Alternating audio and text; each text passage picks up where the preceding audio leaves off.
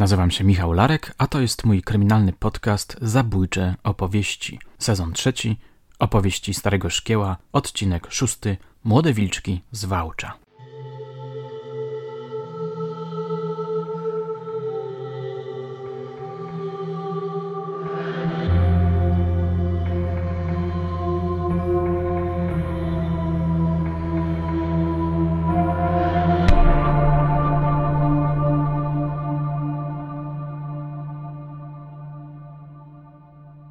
Pamiętacie Młode Wilki?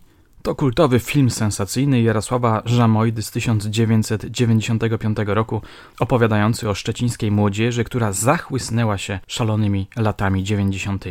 Przypominam ten tytuł, żeby przywołać ducha owej szalonej dekady. Transformacja polityczna i gospodarcza, otwarte granice, wielkie, szybkie pieniądze, wyjazdy na zachód, rozkosze rozbuchanego konsumpcjonizmu, marzenia o lepszym życiu, no i wzmożony rozkwit przestępczości. Przestępczości bezwzględnej, brutalnej, podsycanej przez krwiożerczą chciwość.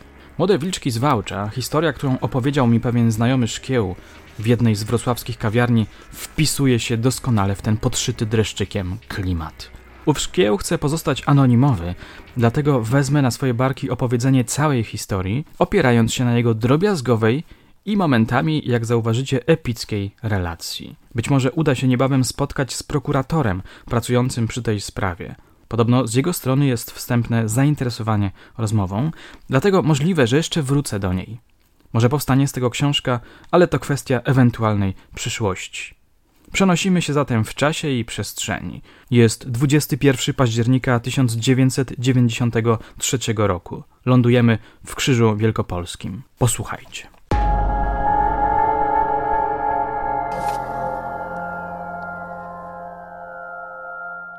Tego wieczoru panowała prawdziwie jesienna aura, zaczyna szkieł. Było ponuro, zimno, nieprzyjemnie. Poza miastem rozpościerała się mgła. W takich właśnie atmosferycznych okolicznościach zaczyna się ta opowieść. Jest mniej więcej godzina 18. W pobliżu stacji kolejowej w Krzyżu Wielkopolskim przy zejściu składki stoi czerwone Renault 11. W środku auta siedzi Paweł H., który dorabiał jako taksówkarz i czeka na potencjalnych klientów. Wkrótce ma nadjechać pociąg osobowy ze Szczecina. Jest więc nadzieja, że trafi się jakiś kurs. W tej miejscowości nie było wielu taksówkarzy, może ze trzech, przez co na postoju w chwilach przyjazdu pociągu z reguły oczekiwała jedna taksówka, wyjaśniał mi policjant. W innym czasie dzwoniło się do znanych z widzenia taksówkarzy. Kim był Paweł? Pracował jako kierowca karetki pogotowia. Natomiast prywatnie był mężem i tatą. Gdybyśmy kręcili film, musielibyśmy zrobić po chwili cięcie do sceny, w której widzielibyśmy jego rodzinę coraz bardziej zaniepokojoną jego nieobecnością. Jest już coraz później, a jego jeszcze nie ma. Powinien przecież przyjechać na kolację, jak zawsze. A gdyby miał jakieś dodatkowe kursy, powinien zadzwonić. Tak przecież robił zazwyczaj. Czas jednak płynie, a on nie wraca i nie daje znaku życia. Co się stało? Co się dzieje? Gdy wsłuchiwałem się w opowieść Szkieła, wyobrażałem sobie żonę Pawła, jak pali papierosa za papierosem i w wielkim napięciu wpatruje się w telefon. W końcu rozlega się brzęk telefonu. Żona zamiera. Tu robimy kolejne cięcie. Przenosimy się do Huty Szklanej, miejscowości oddalonej od krzyża o jakieś 7 kilometrów. Zbliża się dziewiętnasta. Przez skrzyżowanie przechodzi dwójka dzieci. Nagle docierają do ich uszu jakieś hałasy. Ze skraju wsi. Później policja ustali, że odległość dzieci od źródła podejrzanych odgłosów wynosiła około 90 metrów. Panuje mgła, więc widoczność jest ograniczona. Dzieciaki dostrzegają jedynie tylne światła samochodu osobowego stojącego na poboczu drogi prowadzącej do Dębogóry, opowiadał mi śledczy. Po chwili słyszą z tamtego kierunku odgłosy szamotania, stłumione krzyki. Potem dochodzą do nich odgłosy zatrzaśnięcia dwojga drzwi samochodu, który zaraz ruszył w stronę Dębogóry. Gdy samochód odjechał, dzieci podeszły tam. Po krótkim zlustrowaniu pobocza znaleźli za nasypem nieczynnej linii kolejowej leżącego mężczyznę, zakrwawionego. Wkrótce zawiadomiono policję oraz pogotowie ratunkowe. Jak się domyślacie, był to niestety Paweł, na którego w domu czekała zaniepokojona rodzina. Przybyły lekarz stwierdził, że mężczyzna nie żyje, że został zamordowany, a narzędziem zbrodni było ostre narzędzie. W trawie, na domniemanej ścieżce wleczenia ciała, znaleziono fragment sznurka sizalowego nazywanego pospolicie jako bieliźniany. Z wstępnych oględzin wynikało, że sznurek mógł posłużyć jako pętla. Czynności podjęte tego późnego wieczoru przez policję oraz prokuraturę nie posunęły sprawy naprzód. Wysoka trawa, ciemności oraz mgła nie sprzyjały nam w trakcie oględzin. Niczego więcej nie znaleźliśmy, żadnych innych śladów. Jedynymi świadkami były wspomniane dzieci. Motywem wydał nam się zabór taksówki. Oczywiście próbowaliśmy również ustalić pasażerów, którzy wysiedli w krzyżu z pociągu przyjeżdżającego ze Szczecina. Może coś zauważyli, a może ktoś z nich wsiadł do taksówki, oraz innych osób mogących mieć ewentualny powód skorzystania z usługi taksówkarza. Zarządziliśmy także niezwłocznie poszukiwania samochodu Pawła. Szkieł milknie, zastanawia się. Zapewne przeszukuje pamięć. Późno w nocy zdecydowano się na odbój, czyli powrót do domu. Odzywa się po chwili. W domu szybki prysznic, jeszcze szybszy sen, który raczej był mrzonką z powodu buzującej w nas adrenaliny. Rano zbiórka i wyjazd w teren. Meldujemy się w miejscowej jednostce policji. Tam jest bardzo ciasno dla kilku dodatkowych policjantów. Trzeba zabrać miejscowym jeden, może i dwa pokoje. Przecież sztab musi gdzieś spokojnie pracować, analizować spływające materiały, weryfikować poprzednie i wydawać nowe polecenia. Dla miejscowych, mundurowych i zwykłych mieszkańców taka sprawa to zupełny nowum, sensacja. Daje się wyczuć duże napięcie. No cóż, pracujemy, robimy co możemy. Każdy z nas z nowo przydzielonym zadaniem zastanawia się, jak najlepiej je wykonać. No to jeszcze po kawie i zaraz będziemy ruszać w teren. I nagle w całym tym poruszeniu, rozemocjonowaniu, grom z nieba. Telefon od policji w Czarnkowie z wiadomością dnia. Hm, Szkieł spogląda na mnie i uśmiecha się, kiwając głową.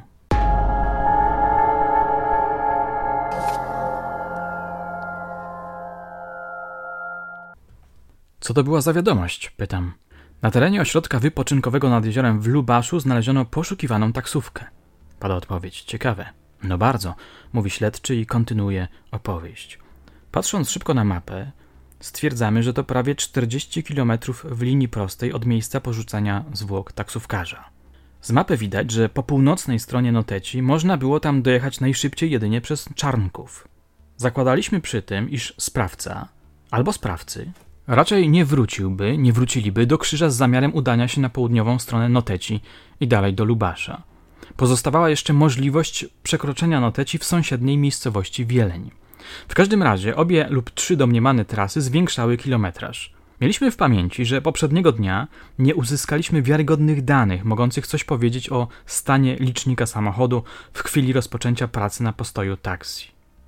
Ulga i zarazem konsternacja. Tu, zaledwie wczoraj, nieopodal krzyża, porzucone zwłoki taksówkarza, a tam gdzieś daleko taksówka? Rodzą się zaraz złote pytania.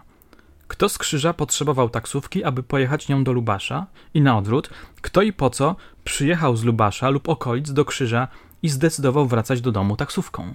Grupa dochodzeniowa zostaje podzielona, opowiada dalej Szkieł. Teraz trzeba będzie mieszać w dwóch odległych geograficznie środowiskach. Telefonów komórkowych nie było, radiotelefon nie sięgał tak daleko, a więc pozostawało każdej z grup czekać na wzajemne relacje przy wykorzystaniu innych dostępnych środków łączności. Powiem teraz parę słów o odnalezionym samochodzie. Miejscem jego porzucenia była typowa alejka asfaltowa biegnąca między domkami wczasowymi.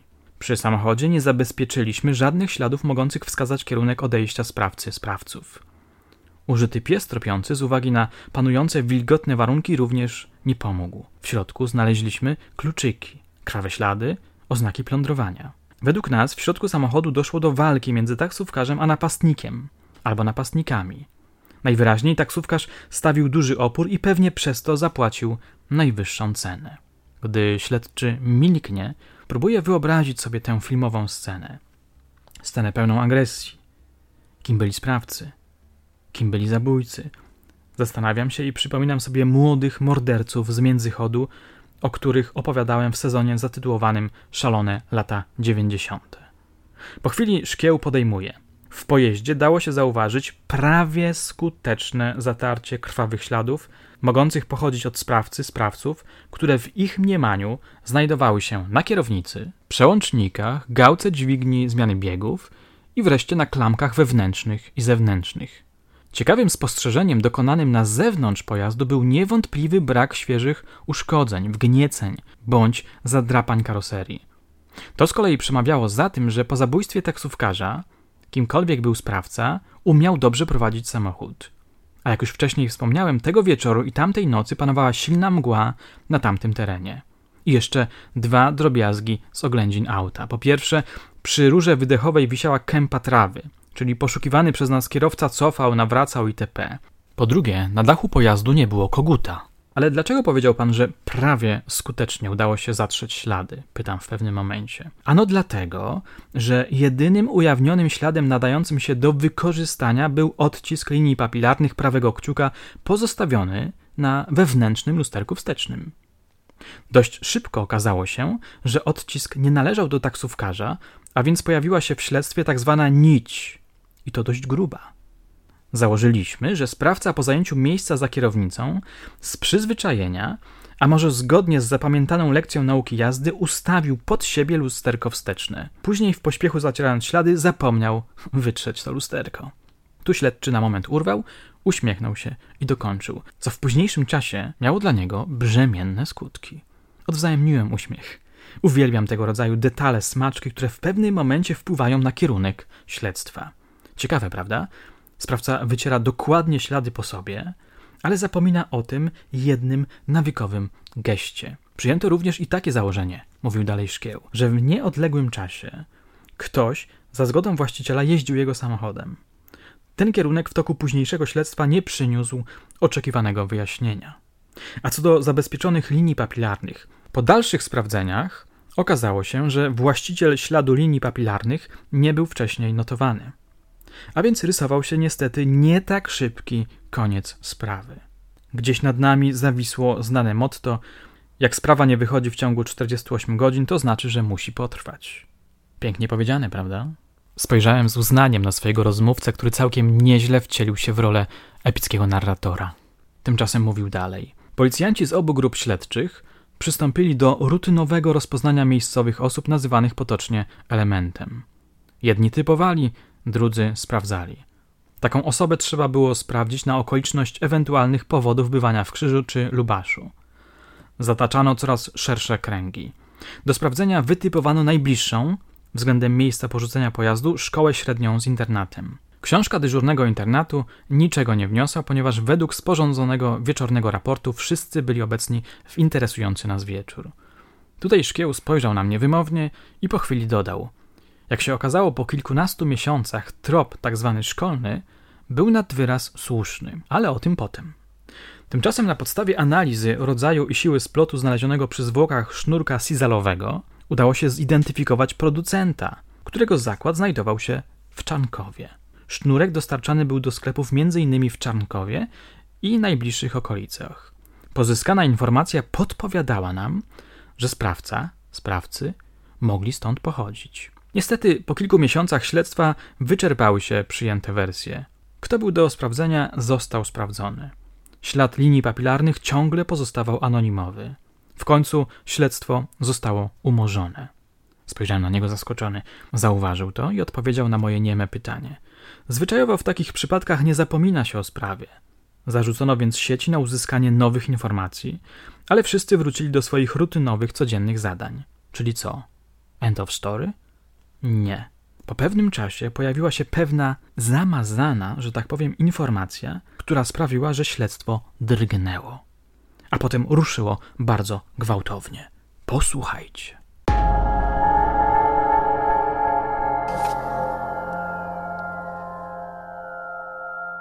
Jakieś półtora roku później, opowiadał dalej Szkieł, wiosną albo latem dotarła do nas szczątkowa informacja – jej treść brzmiała mniej więcej tak, że ktoś tam coś tam może wiedzieć, ale nie wiadomo, czy faktycznie wie, czy powie i tak dalej. Moje drogie, moi drodzy, musicie wybaczyć nam teraz pewną lakoniczność, półsłówka, swoiste zaciemnianie szczegółów, ale z pewnych względów nie można inaczej tego wątku opowiedzieć. Kuchnia tego śledztwa musi pozostać owiana tajemnicą. Rzuciliśmy na radar ową postać z założeniem, że przecież może to być sprawca zabójstwa lub jeden ze sprawców zabójstwa. Wiedzieliśmy już, że nie miał uprawnień do prowadzenia samochodu. Mówił oficer, rozbudzając moje zaciekawienie. Po szeregu wyprzedzających sprawdzeń zdecydowano się na przeprowadzenie bezpośredniej rozmowy. Doszło do tego spotkania. Gdy zatopiliśmy się w opowieść, włosy zaczęły nam się jeżyć na głowie. Dlaczego? Okazało się, że rozmawiamy z osobą, która w godzinach wczesnorannych podpatrzyła w łazience internatu, jak jeden ze starszych uczniów i zarazem mieszkańców internatu czyścił z krwi odzież oraz buty. Podobno komuś się chwalił, że kogoś napadł. To był internat, który sprawdzaliście? Zapytałem. Nie, ten był trochę dalej położony, więc nie znalazł się w polu naszego zainteresowania. Dlaczego ten chłopiec nie poinformował wtedy nikogo o tym, co zobaczył? Musiał przecież to połączyć z zabójstwem taksówkarza. Mój rozmówca chrząknął znacząco. Ten fragment sprawy musimy pominąć milczeniem. Tak czy owak, w trakcie przesłuchania udało nam się wydobyć wskazówkę pozwalającą na identyfikację tego starszego ucznia. Okazało się, że w 1994 roku zakończył pięcioletnią naukę i zdał maturę. W okresie pobierania nauki przez 4 lata mieszkał w internacie swojej szkoły, zaledwie 4 km od ośrodka wypoczynkowego w Lubaszu. A w ostatnim roku szkolnym, chyba z przyczyn natury interdyscyplinarnej, korzystał z internatu innej szkoły.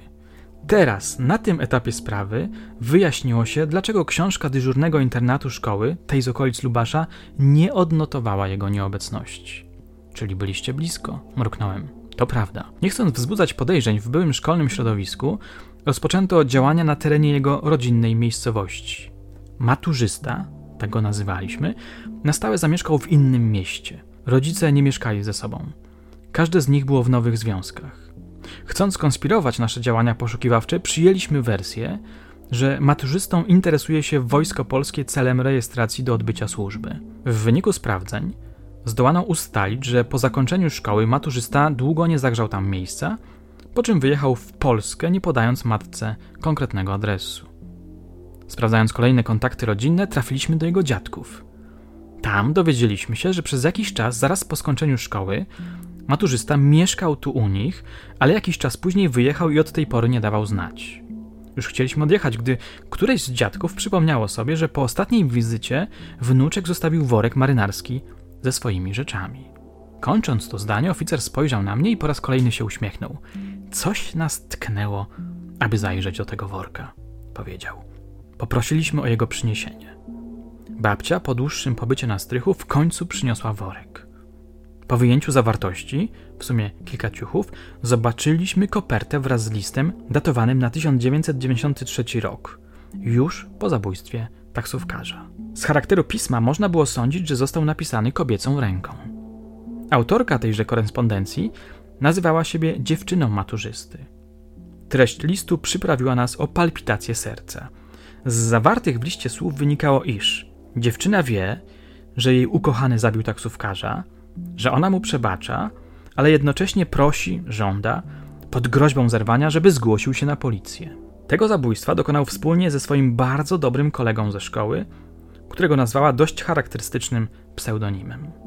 Zorientowaliśmy się szybko, że dziadkowie nie kojarzyli, co to za list i przez kogo został napisany. Widać było, że są nim zaskoczeni na równi z nami, choć nie ujawniliśmy im zasadniczej treści tego listu. Adres nadawcy listu wskazywał na bardzo odległą miejscowość, gdzieś na wschodzie Polski. Dziadkowie maturzysty podpowiedzieli nam, że jego ojciec pochodzi właśnie z tamtych stron. Za ich zgodą zabraliśmy list wraz z workiem i ciuchami. Wyjeżdżając od dziadków, wiedzieliśmy, że od tej chwili rozpoczynamy domykanie naszego śledczego koła. Musieliśmy teraz jak najszybciej złożyć wizytę dziewczynie. Prawdę mówiąc, nie była zaskoczona naszymi odwiedzinami – może się nas spodziewała? W tym okresie nie była już sympatią maturzysty. Oczywiście mieliśmy ze sobą kopię listu, co znacznie przyczyniło się do uruchomienia jej pamięci. Podczas długiej rozmowy przekazała wszystko, co jej wiadomo było w sprawie zabójstwa taksówkarza. Potwierdziła, że jej ówczesny chłopak zabił taksówkarza wspólnie ze swoim dobrym kolegą ze szkoły, którego znała z opowieści. Tenże kolega miał uczyć się w tej samej szkole. Dodała, że dobrze pamięta, że przyjechał do niej jakoś zaraz po zabójstwie taksówkarza był u niej kilka dni, po czym wrócił do szkoły. Nie wiedziała niestety, gdzie aktualnie przebywa. Zagadnęliśmy ją, czy czasem czegoś u niej nie zostawił. Zostawił. Kilka drobiazgów. Były to kasety magnetofonowe, przybornik do manicure i coś tam jeszcze mało znaczącego.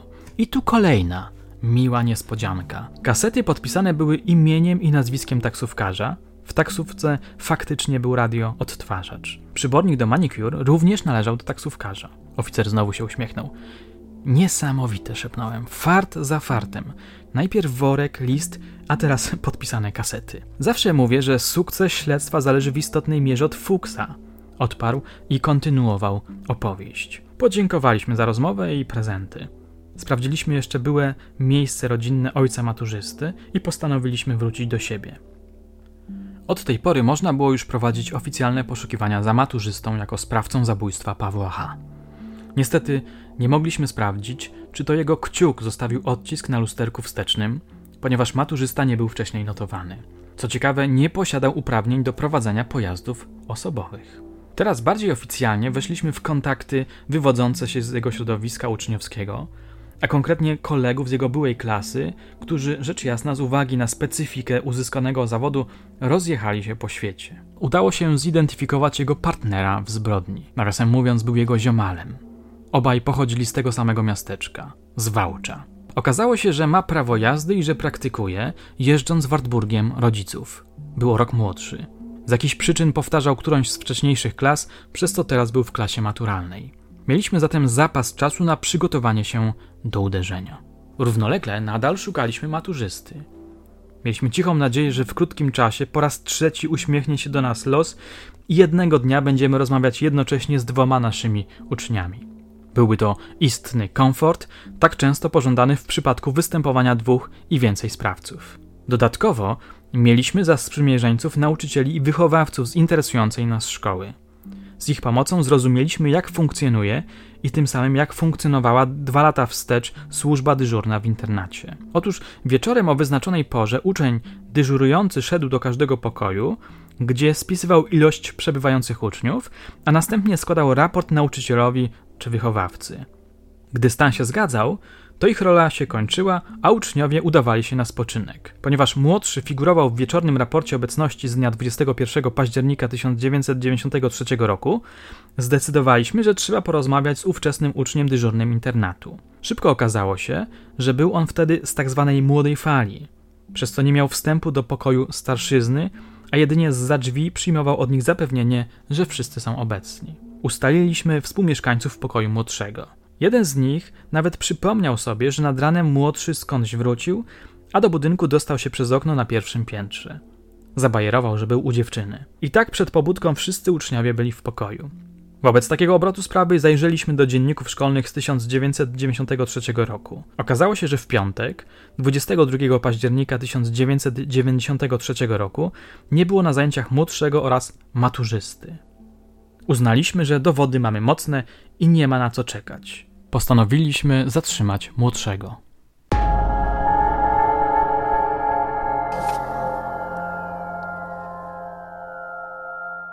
Jeszcze tego samego dnia zabraliśmy ze szkoły młodszego. Kontynuował swoją narrację szkieł. Na początku zgrywał zdziwionego. Kolega dochodzeniowiec zaczął od pobrania odbitek linii papilarnych.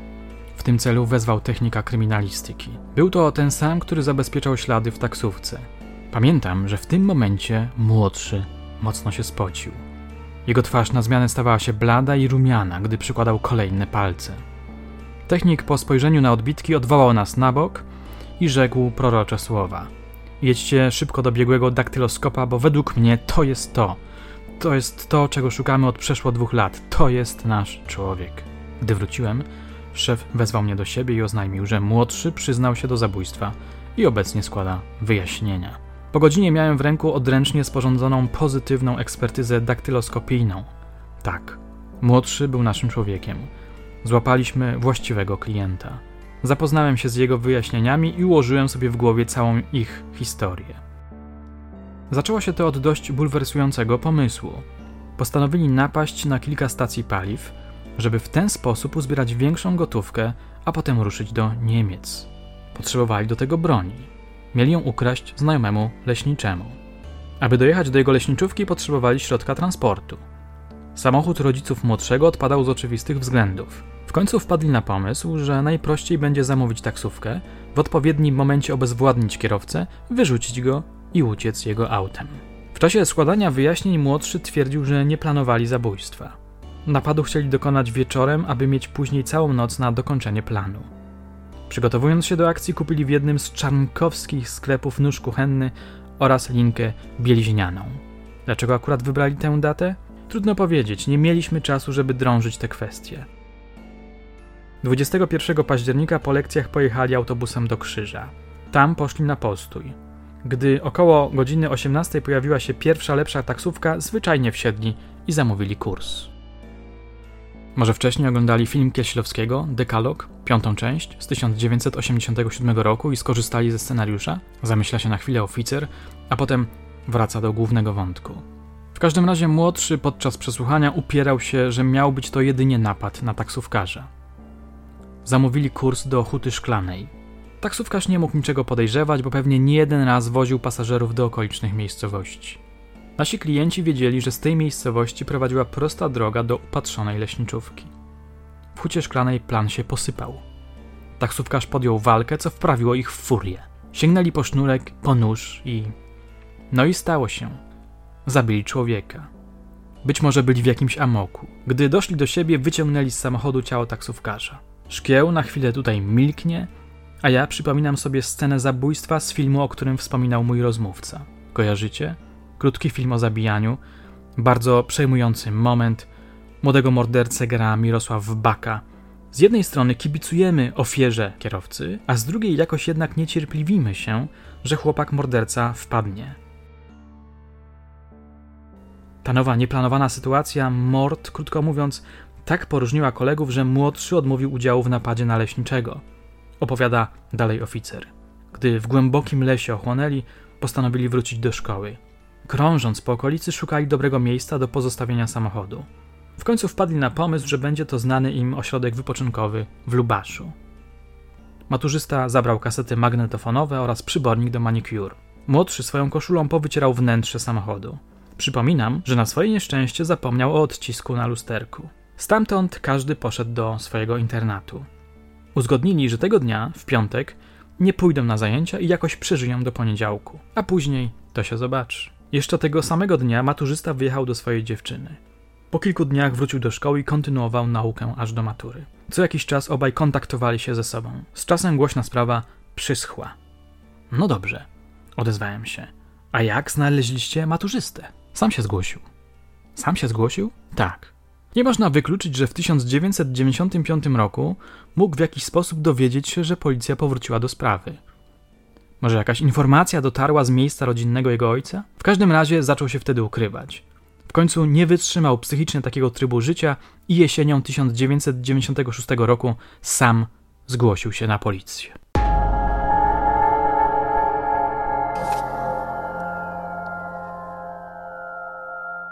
Moje drogie, moi drodzy, tutaj urywam tę historię. Jeśli uda mi się porozmawiać z prokuratorem i dotrzeć do akt, wrócę do niej i z wielką przyjemnością zaprezentuję Wam urobek. Jeśli ktoś z Was coś wie o tej sprawie, może do mnie napisać. Jak zawsze zapraszam gorąco do kontaktu. A na dzisiaj to wszystko. Oczywiście zachęcam Was do lajkowania, komentowania oraz subskrybowania mojego kanału, a także do śledzenia moich poczynań na Facebooku i Instagramie. Jeśli chcecie być na bieżąco z moją działalnością, to tam znajdziecie aktualne informacje. A jeśli macie ochotę jeszcze mocniej zanurzyć się w szalonych latach 90., to zachęcam Was do lektury mojej serii Dekada, której akcja osadzona jest właśnie w tamtym burzliwym czasie. Przypominam także, że na stronie serwisu Storytel możecie posłuchać dekady w formie audiobooków. Lektorem jest Wojtek Wasiak. Życzę Wam wciągających lektur. A teraz dziękuję za życzliwą uwagę i do usłyszenia już niebawem.